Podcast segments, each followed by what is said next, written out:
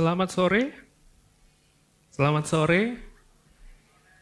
Sebelum kita mendengar pemberitaan firman sore hari ini, izinkan saya mewakili seluruh penatua, pemimpin jemaat, tim kepemimpinan mengucapkan selamat Natal untuk kita semua.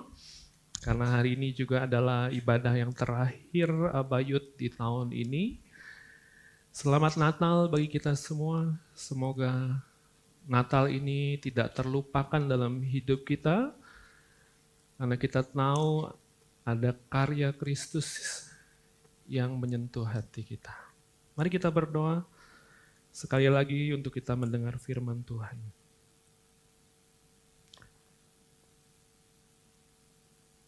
Karena engkau tahu kami begitu berdosa dan tidak mungkin naik ke surga, maka engkau turun. Karena engkau tahu kami tidak bisa mencari dan mencapai engkau. Kami tidak mampu, kami tidak layak, dan kami tidak akan pernah mungkin sampai kepada Allah di sorga maka engkau turun ke dunia ini. Karena engkau tahu kami akan selalu jatuh. Jatuh dan jatuh begitu dalam. Tetapi engkau mengasihi kami begitu rupa. Sehingga engkau berinkarnasi menjadi manusia. Dan engkau turun ke dunia ini untuk mendapatkan kami. Karena tidak ada pernah berita yang begitu besar dalam hidup ini. Selain kami tahu bahwa kami tidak akan pernah bisa naik ke surga. Selain daripada karena engkau turun ke dunia ini dan mendapatkan kami. Menyatu dengan kami dan membawa kami bersama dengan engkau di dalam kerajaanmu. Kiranya Roh Kudus membuat kami mengerti berita yang di dalam pemikiran manusia tidak akan pernah dapat dipahami. Karena hanya kepada orang-orang yang remuk dan hancur engkau menceritakan kisah ini. Bahwa kisah ini pernah ada di dalam kisah sejarah dunia ini. Engkau hadir di dalamnya dan kau juga hadir di dalam kehidupan kami masa ini. Supaya pada masa yang akan datang, kami bersama-sama dengan engkau di dalam kekekalan dan kerajaanmu. Bapa di dalam kerajaan surga, hambamu berdoa untuk setiap orang yang hadir, menerima pesan kebenaranmu, dan mereka diselamatkan olehnya.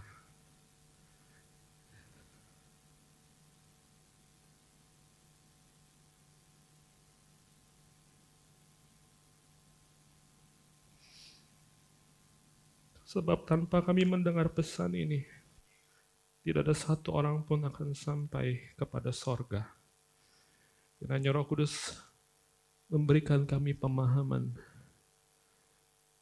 dari siapa pun yang mendengar sejak masih muda. Dan mereka diubahkan oleh karenanya. Dalam nama Yesus kami berdoa. Amin.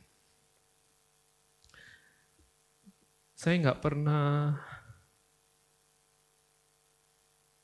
semengerti hari ini tentang kisah ini. Dan Mungkin saya pernah berkhotbah ini berkali-kali di dalam ibadah Natal, tetapi saya nggak pernah disentuh lebih lagi sebelumnya daripada hari ini. Dan saya berdoa supaya tangan Tuhan menyentuh teman-teman semua yang mendengarkan berita ya, tentang kelahiran Yesus hari ini. Amin. Mari kita lihat dalam Lukas 2 ayat 1 sampai dengan yang kelima. Lukas 2 ayat 1 sampai yang kelima. Ah,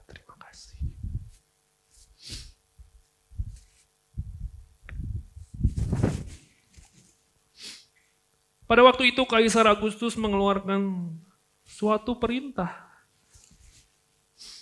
Ia menyuruh mendaftarkan semua orang di seluruh dunia Inilah pendaftaran yang pertama kali diadakan sewaktu Kirenius menjadi wali negeri di Syria.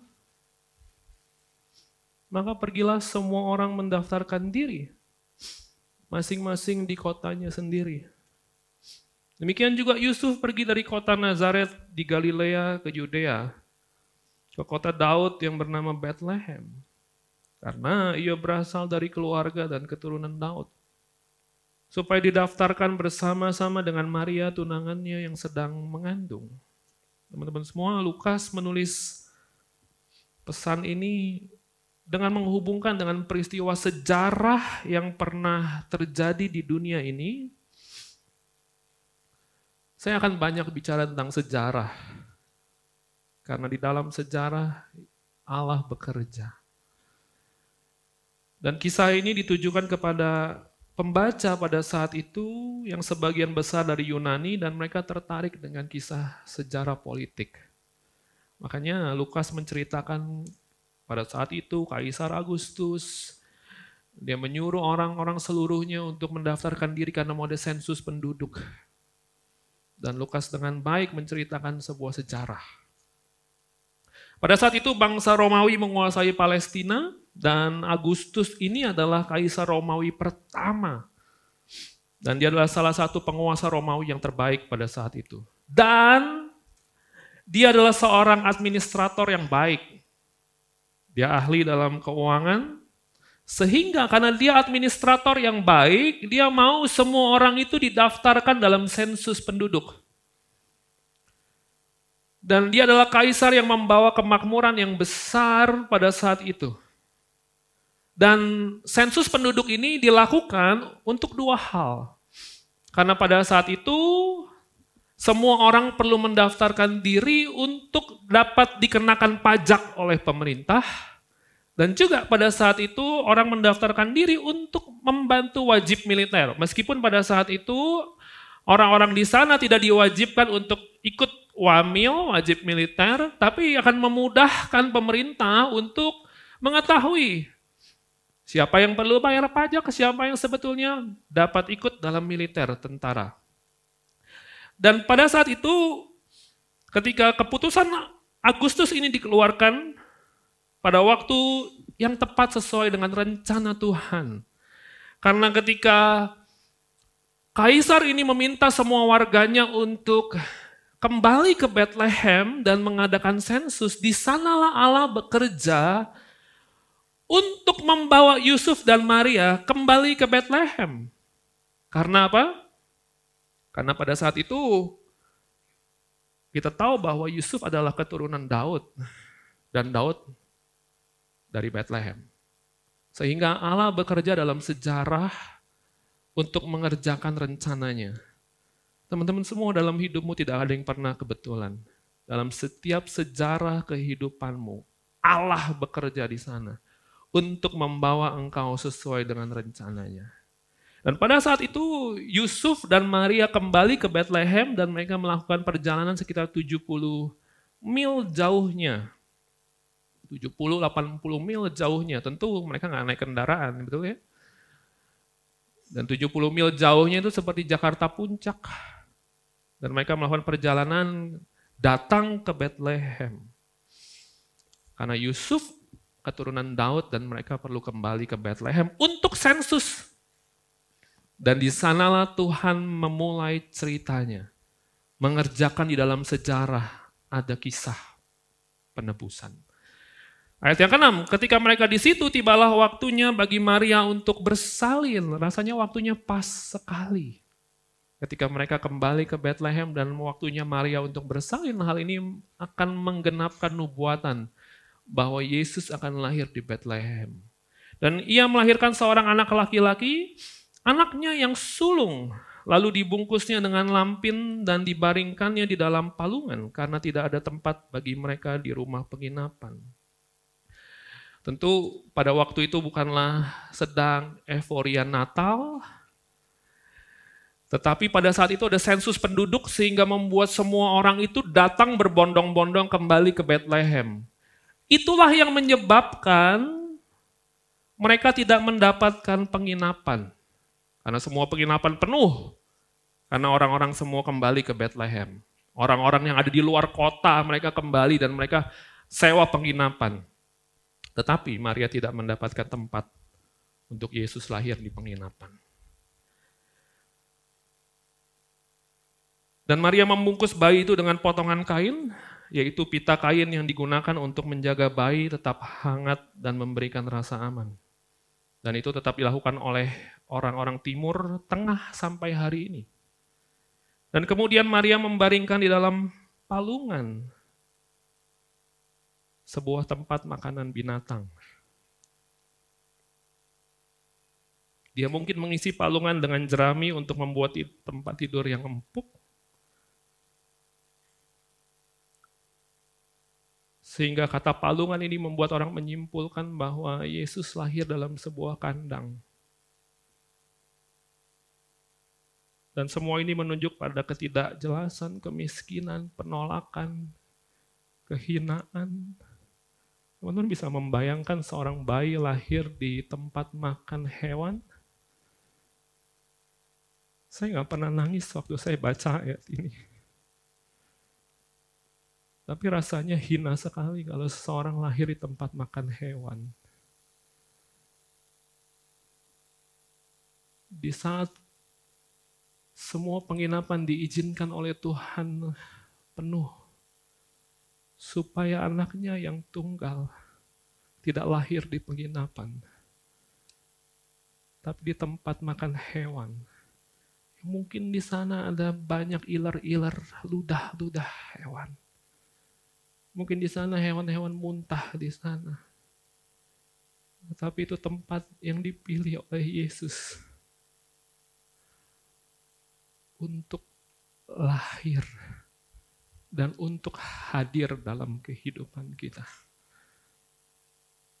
Saya pikir tidak ada orang yang begitu hina sampai harus lahir di tempat makan hewan tapi itu dipilih oleh Allah sebagai tempat dia lahir. Dan dia mau bilang sama kita bahwa dia hadir di dalam kekotoran kehidupan kita. Dan kalau kita tahu bahwa sebetulnya Yesus lahir bukan di kandang binatang biasa, tetapi Yesus lahir di sebuah tempat yang bernama Migdal Eder adalah sebuah tempat penampungan bagian utara Bethlehem.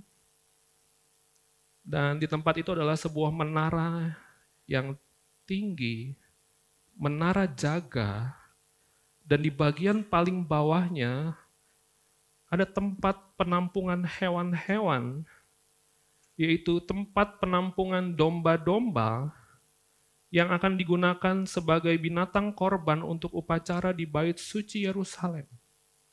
Jadi semua domba-domba yang terbaik itu ditampung di Middal Eder, karena binatang-binatang itu akan dipersembahkan di upacara persembahan di bait suci, dan imam-imam akan memeriksa domba-domba itu dan didapati domba-domba itu tidak bercacat domba jantan untuk korban bakaran dan domba betina untuk korban pendamaian. Dan domba-domba itu akan dibuat sebagai korban penghapusan dosa Yakub dan seluruh umat manusia. Sehingga dapat kita artikan bahwa Yesus lahir di tempat di mana domba-domba yang akan dipersembahkan di bait Allah untuk menghapus pelanggaran umat Israel pada saat itu. Dan dia memilih lahir di tempat itu untuk memberitahu kita bahwa dia lahir untuk menjadi domba yang tidak bercacat, yang kemudian akan mati di atas kayu salib untuk menghapuskan dosa-dosa kita. Pesan firman Tuhan pertama hari ini. Di dalam kasihnya, Yesus berinkarnasi dan menyatakan dirinya kepada orang-orang berdosa. Hancur. Supaya dapat menyelamatkan mereka. Ayat yang ke-8. Di daerah itu ada gembala-gembala yang tinggal di padang menjaga kawanan ternak mereka pada waktu malam. Teman tahu bahwa pada waktu itu dinyatakan kepada gembala-gembala. Pada saat itu gembala-gembala adalah orang-orang buangan yang tidak diperbolehkan masuk kota. Mereka adalah orang-orang yang tidak dipercaya oleh masyarakat. Mereka orang-orang yang tidak berguna. Sehingga mereka diberikan pekerjaan yang paling hina, yaitu menjaga kawanan domba-domba dan pada saat itu mereka juga adalah orang-orang yang tidak berpendidikan. Dan banyak daripada eh, gembala-gembala itu adalah seorang pencuri. Dan gembala-gembala itu juga adalah orang-orang yang tidak dianggap di masyarakat pada saat itu. Bahkan ahli Taurat dan orang Farisi menganggap gembala-gembala itu adalah orang-orang yang najis. Kenapa? Karena gembala-gembala itu tidak mengenal hukum sabat. Ketika sabat mereka tidak beristirahat, tentu untuk mereka menjaga domba-domba itu. Tetapi ahli Taurat dan orang Farisi menganggap orang-orang itu adalah orang-orang najis yang jauh daripada hidup benar dalam keagamaan. Tetapi Yesus datang bukan kepada orang-orang yang besar. Yesus datang bukan kepada orang-orang yang pintar. Yesus datang bukan kepada orang-orang yang suci. Yesus datang bukan kepada orang-orang yang tertinggi. Tetapi sebaliknya Yesus datang kepada orang-orang rendah yang betul-betul tidak dianggap pada saat itu. Pencuri, orang-orang yang dilihat najis, Orang-orang yang tidak ada pekerjaan, yang ketika mereka nggak punya pekerjaan hanya tersedia untuk jaga domba. Dan Yesus hadir kepada orang-orang yang buangan, yang mungkin mereka adalah pencuri-pencuri. Bahkan gembala-gembala tidak diizinkan masuk ke kota karena mereka melakukan pekerjaan yang rendah pada saat itu.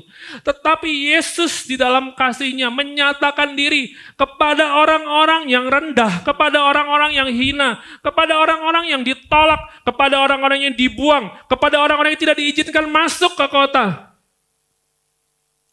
Dan gembala-gembala ini menggambarkan tentang engkau dan saya bahwa Yesus mati untuk orang-orang yang dibuang.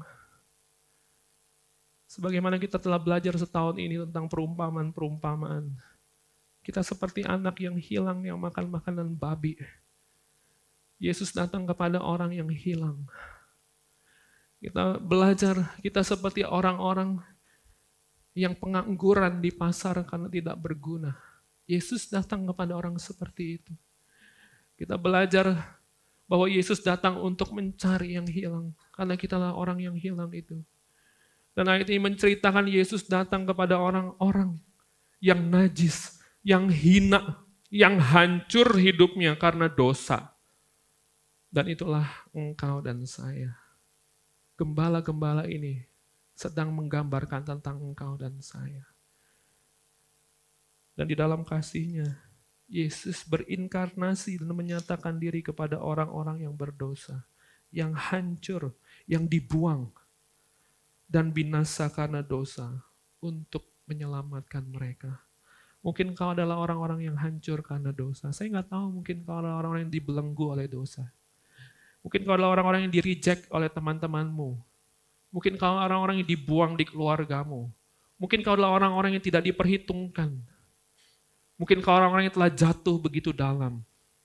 Mungkin kau orang-orang yang tidak dipandang. Tetapi ada kabar baik hari ini. Yesus datang untukmu. Dan dia mau menyelamatkanmu. Di ayat yang ke-9, tiba-tiba berdirilah seorang malaikat Tuhan di dekat mereka dan kemuliaan Tuhan bersinar meliputi mereka. Dan mereka sangat ketakutan.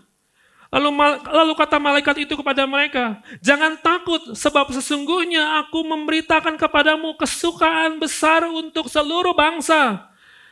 Dan pada saat itu, malaikat itu dinyatakan kepada gembala-gembala orang-orang buangan. Orang-orang yang tidak dipandang, orang-orang yang najis, orang-orang yang dilihat ahli Taurat dan orang Farisi sebagai orang-orang yang jauh daripada melakukan tugas agama mereka dengan baik. Orang-orang yang tidak diizinkan masuk ke kota karena mereka tidak layak. Tetapi malaikat Allah dinyatakan kepada mereka. Dan kemuliaan Tuhan bersinar meliputi mereka. Sehingga mereka sangat ketakutan. Kenapa mereka ketakutan? Karena mereka tahu siapa diri mereka. Gembala-gembala itu tahu betapa kotornya mereka. Betapa najisnya mereka. Betapa mereka dibuang, dijauhi banyak orang. Tetapi malaikat itu hadir dalam kehidupan mereka. Dan tidak ada seorang pun yang dapat berdiri dengan berani di hadapan Tuhan, di hadapan malaikat itu, dengan berjubahkan dosa. Sehingga kita mengatakan mereka sangat ketakutan. Dan malaikat itu berkata, jangan takut, sebab sesungguhnya aku memberikan kepadamu kesukaan besar untuk seluruh bangsa. Teman-teman tahu, ketika ayat yang ke-9 berkata begini, tiba-tiba berdirilah seorang malaikat Tuhan di dekat mereka dan kemuliaan Tuhan bersinar. Kamu tahu, kemuliaan Tuhan yang dimaksud ini, ini adalah Shekinah glory. Kamu tahu, Shekinah glory adalah sebuah kehadiran Allah kepada umatnya secara langsung. Dan Shekinah glory ini ada dalam perjanjian lama, dalam tiang awan dan tiang api untuk menuntun bangsa Israel dalam padang gurun. Shekinah glory ini muncul memimpin umatnya. Tetapi pada saat itu Allah tidak menyatakan rupanya secara langsung. Dia menyatakan rupanya di dalam tiang awan dan tiang api. Sehingga suatu ketika Musa meminta kepada Tuhan. Untuk Musa dapat memandang wajah Allah. Tetapi kita tahu semua bahwa Suatu ketika Tuhan berkata kepada Musa, engkau tidak akan tahan memandang wajahku sebab tidak ada orang yang memandang aku dapat hidup. Shekinah glory yang hadir pada saat itu tidaklah dalam wujud langsung Allah, tetapi dalam tiang awan dan tiang api sehingga Musa bilang ini saya mau lihat wajahmu langsung.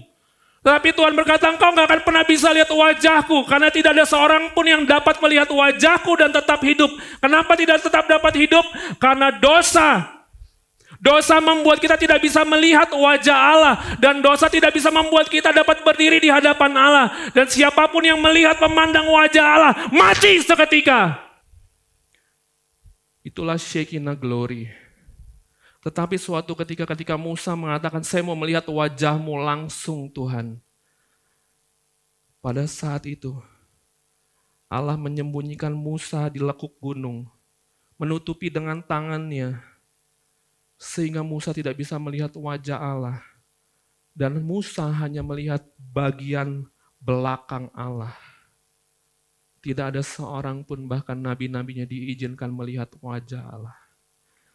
Tetapi Shekinah glory itu diperlihatkan kepada orang-orang buangan. Seperti gembala-gembala itu. Dalam wujud inkarnasi Allah menjadi manusia. Dan gembala-gembala itu melihat wajah Yesus secara langsung. Itulah Shekinah glory yang pertama kali terlihat langsung oleh manusia. Karena begitu besar kasih Allah akan dunia ini sehingga ia mengaruniakan anaknya yang tunggal, supaya barang siapa percaya kepadanya, tidak binasa, melainkan beroleh hidup yang kekal. Shekinah glory yang dinyatakan itu, gembala-gembala yang najis itu, yang berdosa itu, pertama kali mereka melihat wajah Allah. Itu semua dilakukan karena kasih dan kebaikannya. Supaya kita semua hari ini yang percaya kepadanya, kita dapat melihat wajah Allah dan berjumpa dengannya suatu saat nanti muka dengan muka. Bukankah itu kabar baik?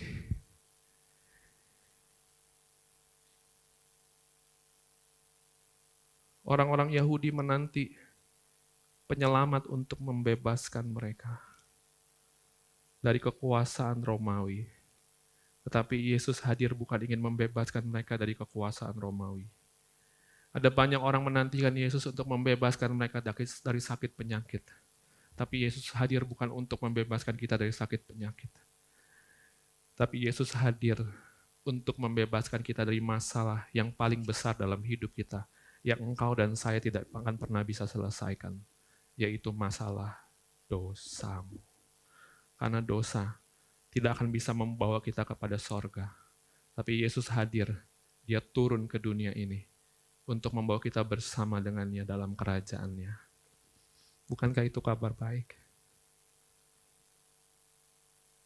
Ayat yang ke-11. Lalu dikatakan, hari ini, hari ini telah lahir bagimu juru selamat, yaitu Kristus, Tuhan di kota Daud. Malaikat menjelaskan kabar baik. Ia mengatakan hari ini telah lahir bagimu juru selamat. Hanya dua kali kata juru selamat disebutkan dalam Injil. Dan tetapi Lukas memberitahu dan malaikat itu mengatakan kata juru selamat. Karena pada saat itu juru selamat berarti pembebas. Dan orang-orang Yahudi pada saat itu sedang menanti pembebasan daripada Romawi. Oleh sebab itu, Allah berbicara kepada mereka dengan bahasa yang mereka mengerti. Ketika orang-orang Yahudi menantikan juru selamat, pembebas itu, malaikat itu mengatakan, telah lahir bagimu pembebas. Bukan untuk membebaskan kau dari tentara Romawi, pemerintah Romawi, tapi dari dosa-dosamu. Dan juga dikatakan, yaitu Kristus Tuhan di kota Daud.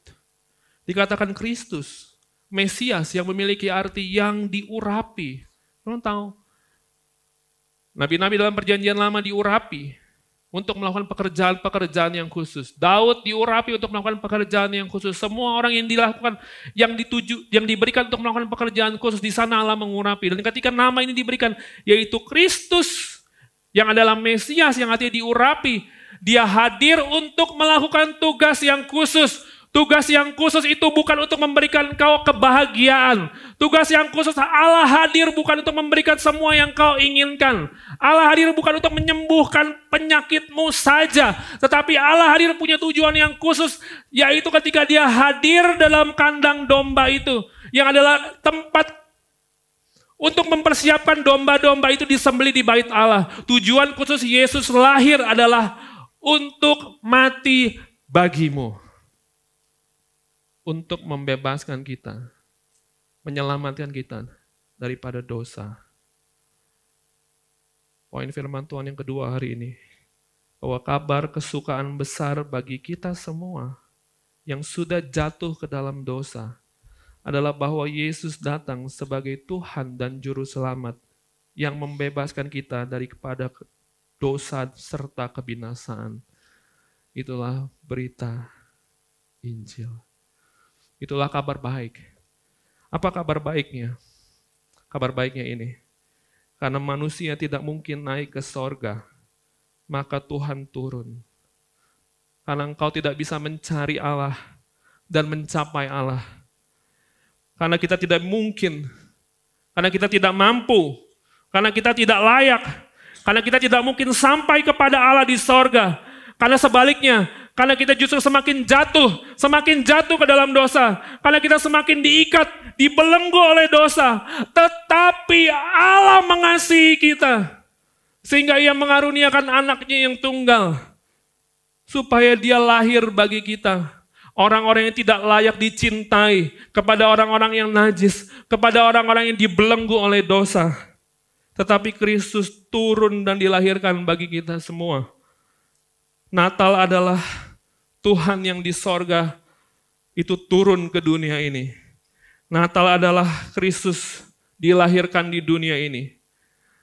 Natal adalah Tuhan yang kudus menghampiri umatnya yang najis. Natal adalah yang hidup menyelamatkan yang mati.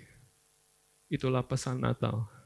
Dia hadir bagi kita untuk membebaskan kita daripada dosa. Ayat yang ke-12. Dan inilah tandanya bagimu. Kamu akan menjumpai seorang bayi dibungkus dengan lampin dan terbaring di dalam palungan.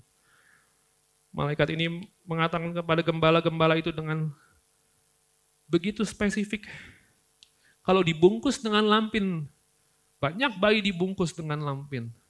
Tetapi bayi lahir dalam tempat makan hewan. Tidak ada. Dan itu adalah petunjuk untuk gembala-gembala itu menemukan Yesus yang berada di tempat makan hewan. Gembala-gembala itu tidak dapat masuk ke kota karena mereka orang-orang yang dibuang. Tapi gembala-gembala itu dapat masuk ke tempat kandang binatang.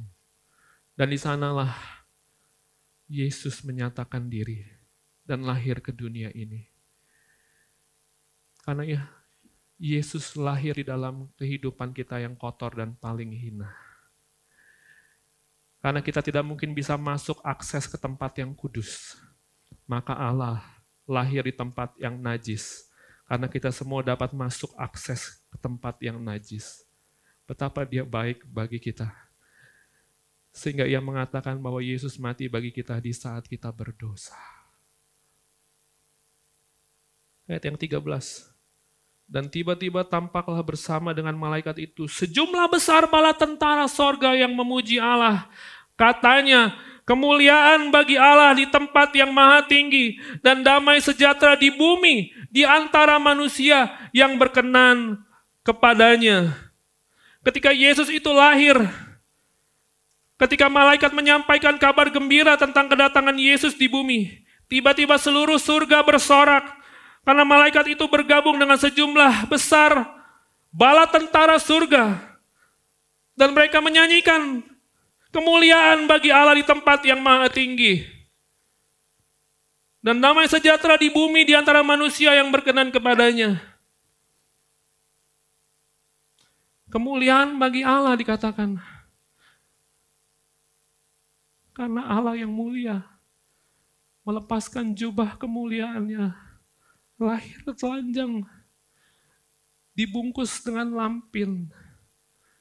Sebetulnya lampin itu dan tempat makan hewan itu menggambarkan tentang Allah yang mulia, tapi lahir di tempat yang najis. Dan sebetulnya lampin yang membungkus Yesus adalah jubah kehinaan yang sangat besar. Karena Allah yang begitu mulia melepaskan jubah kemuliaannya dan dia memberikan dirinya dibungkus oleh kain lampin.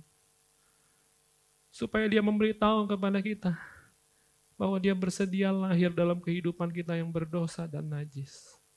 Dan oleh sebab itu, malaikat dan bala tentara di sorga mengembalikan pujian, kemuliaan bagi Allah dengan mereka menyanyikan Gloria in excelsis Deo. Kemuliaan bagi Allah di tempat yang maha tinggi. Karena Yesus lahir di tempat yang paling rendah. Kalau engkau mengerti hal ini, kau akan tahu betapa engkau bersyukur sungguh-sungguh mendengar kabar baik. Bahwa dia tinggalkan kemuliaannya untuk engkau. Saya benar-benar tidak pernah disentuh hanya karena mendengar palungan tapi waktu saya baca ini, saya tahu Yesus sungguh-sungguh lahir untuk saya. Karena saya lebih najis daripada palungan itu. Bukankah ini kabar baik untuk engkau?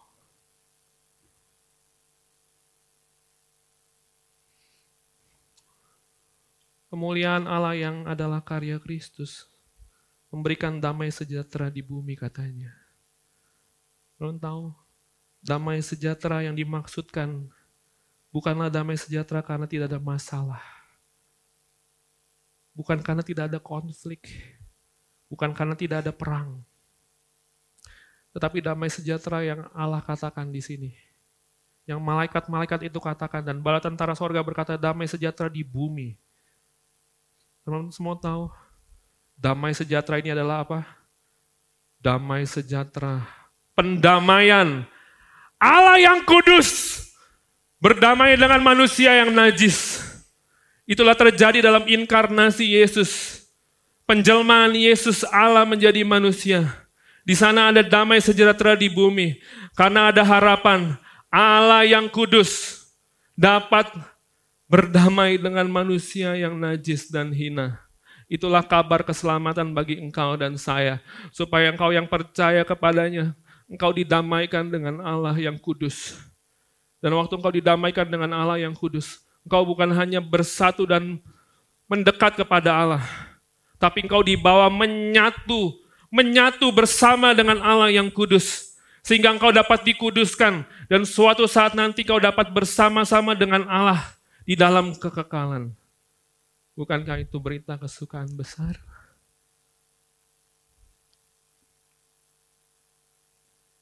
Pendamaian yang Allah maksud adalah pendamaian engkau, perdamaian saya yang berdosa, yang najis, yang hina dengan Allah yang suci.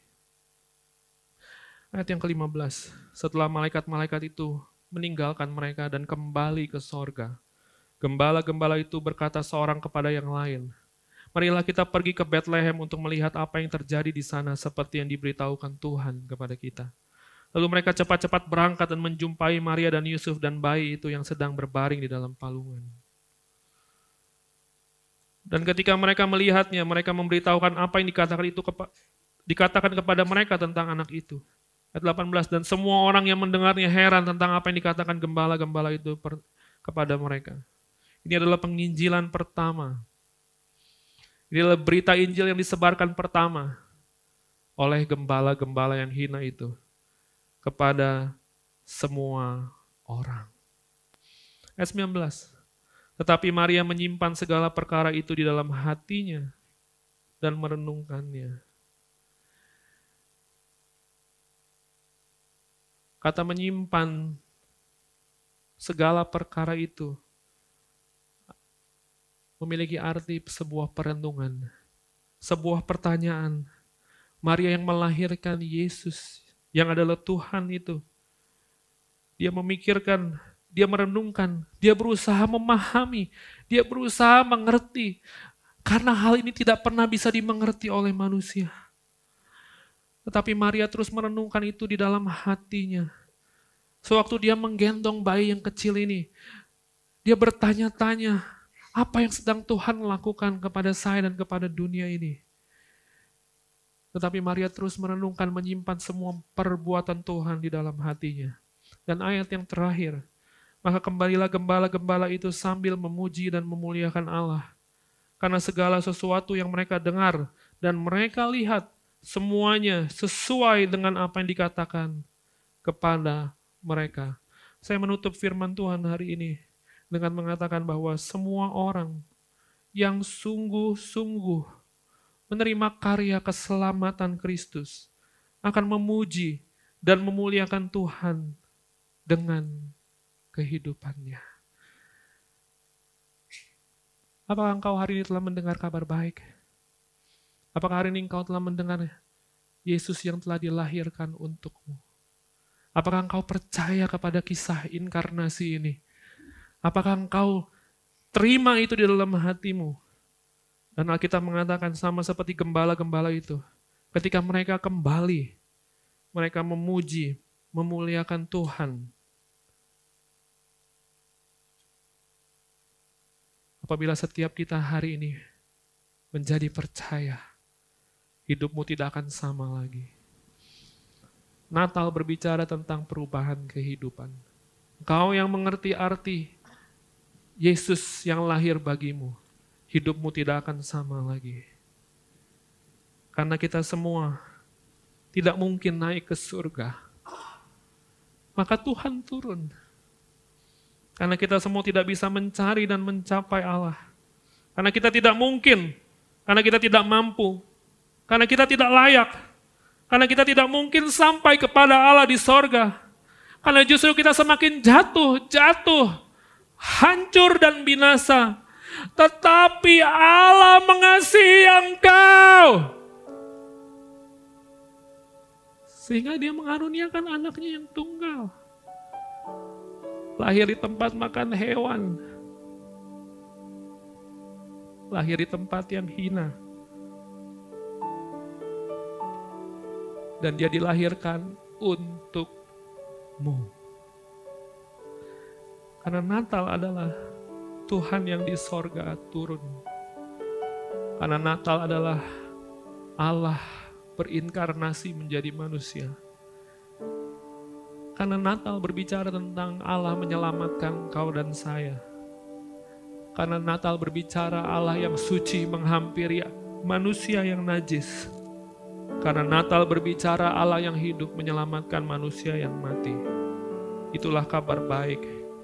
Dan kabar baik ini membuat semua malaikat dan semua bala tentara surga di dalam Lukas pasal yang kedua ayat 13 sampai 14. Dan tiba-tiba tampaklah bersama-sama dengan malaikat itu sejumlah besar bala tentara sorga yang memuji Allah katanya. Kemuliaan bagi Allah di tempat yang maha tinggi dan damai sejahtera di bumi di antara manusia yang berkenan kepadanya. Oleh sebab itu mari kita semua berdiri. Mari kita semua bangkit berdiri kita mau menghormati kehadirannya. Dengan kita mengatakan kemuliaan bagimu Allah di tempat yang maha tinggi. Terima kasih untuk damai sejahtera, pengampunan, kehadiranmu, pendamaianmu. Engkau suci, kami najis, tapi kami didamaikan dengan engkau. Kemuliaan bagimu. Kami mengangkat tangan kami Tuhan, memberikan kemuliaan bagimu. Terima kasih Tuhan. Terima kasih Tuhan.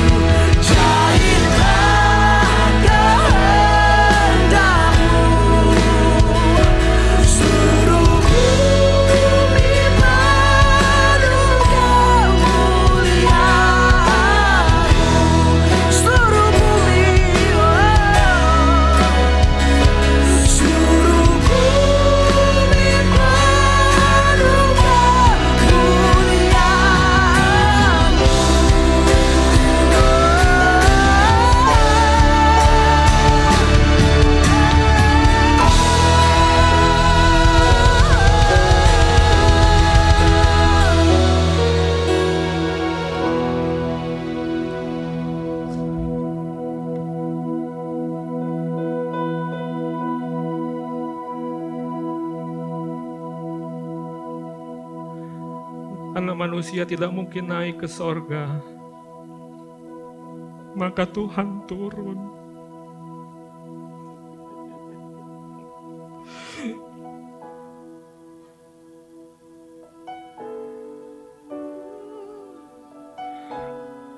Karena kami tidak mungkin menghampiri Engkau. Karena kami begitu berdosa. Karena kami tidak mungkin melihat Engkau. Maka Engkau turun. Engkau hadiri tempat makan hewan. Engkau hadiri tempat yang kotor. Untuk menjumpai kami Tuhan. Karena firman-Mu berkata Engkau mati bagi kami di saat kami berdosa.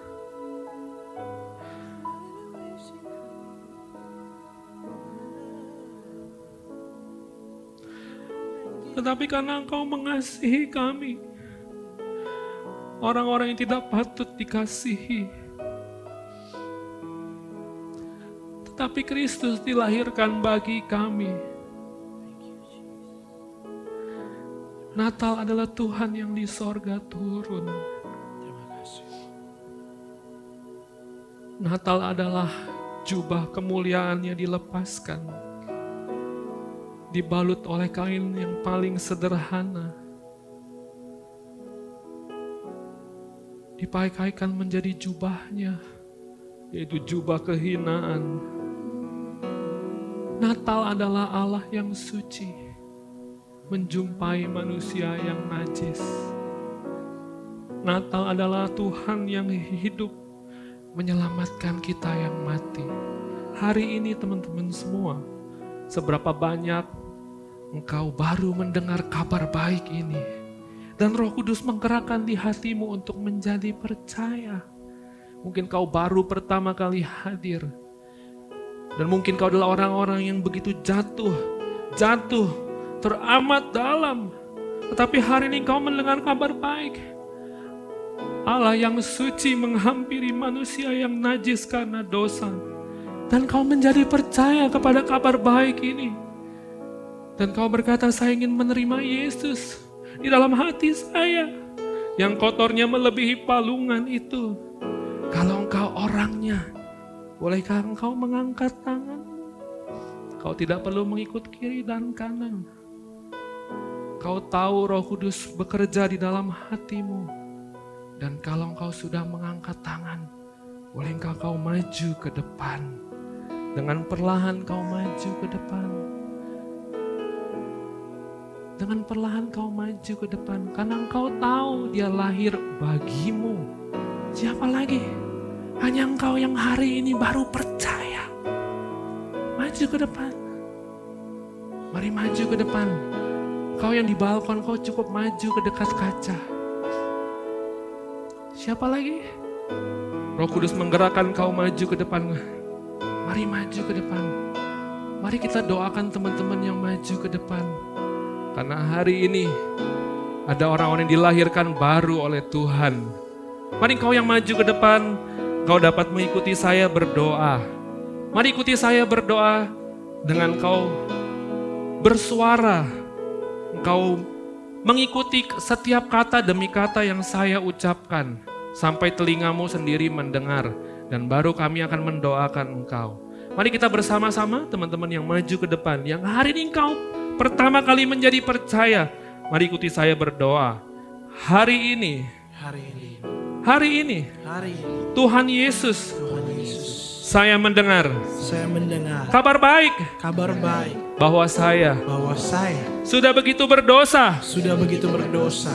Dan tidak mampu dan tidak mampu menyelamatkan diri saya sendiri. menyelamatkan diri saya sendiri. Hari ini Hari ini saya mendengar. saya mendengar berita kesukaan. Berita kesukaan. Bahwa Yesus bahwa Yesus yang adalah Tuhan. yang adalah Tuhan. Menjadi manusia. Menjadi manusia.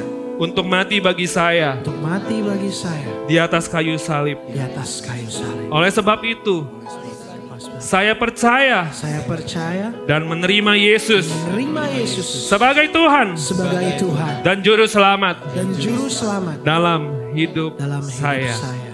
Mari kita doakan teman-teman kita. Mari kita mengangkat tangan kita. Mari kita menyanyikan lagu ini kembali. Kemuliaan bagi Allah di tempat maha tinggi. Terima kasih Tuhan, Engkau Raja.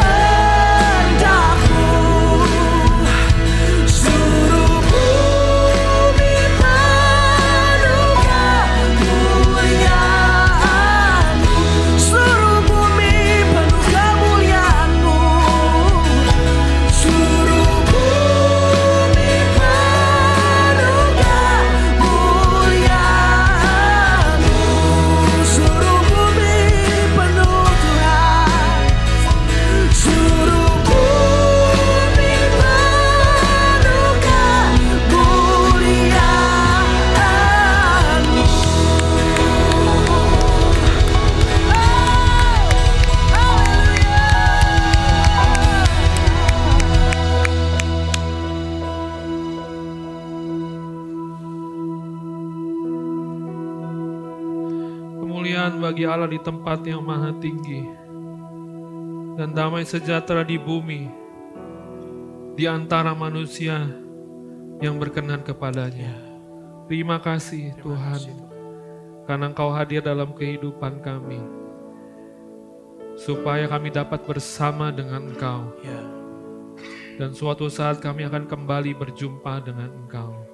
Dan hidup dalam kekekalan dan kerajaan-Mu sampai selama-lamanya. Kita semua yang percaya kepada kabar baik ini, mari kita katakan amin.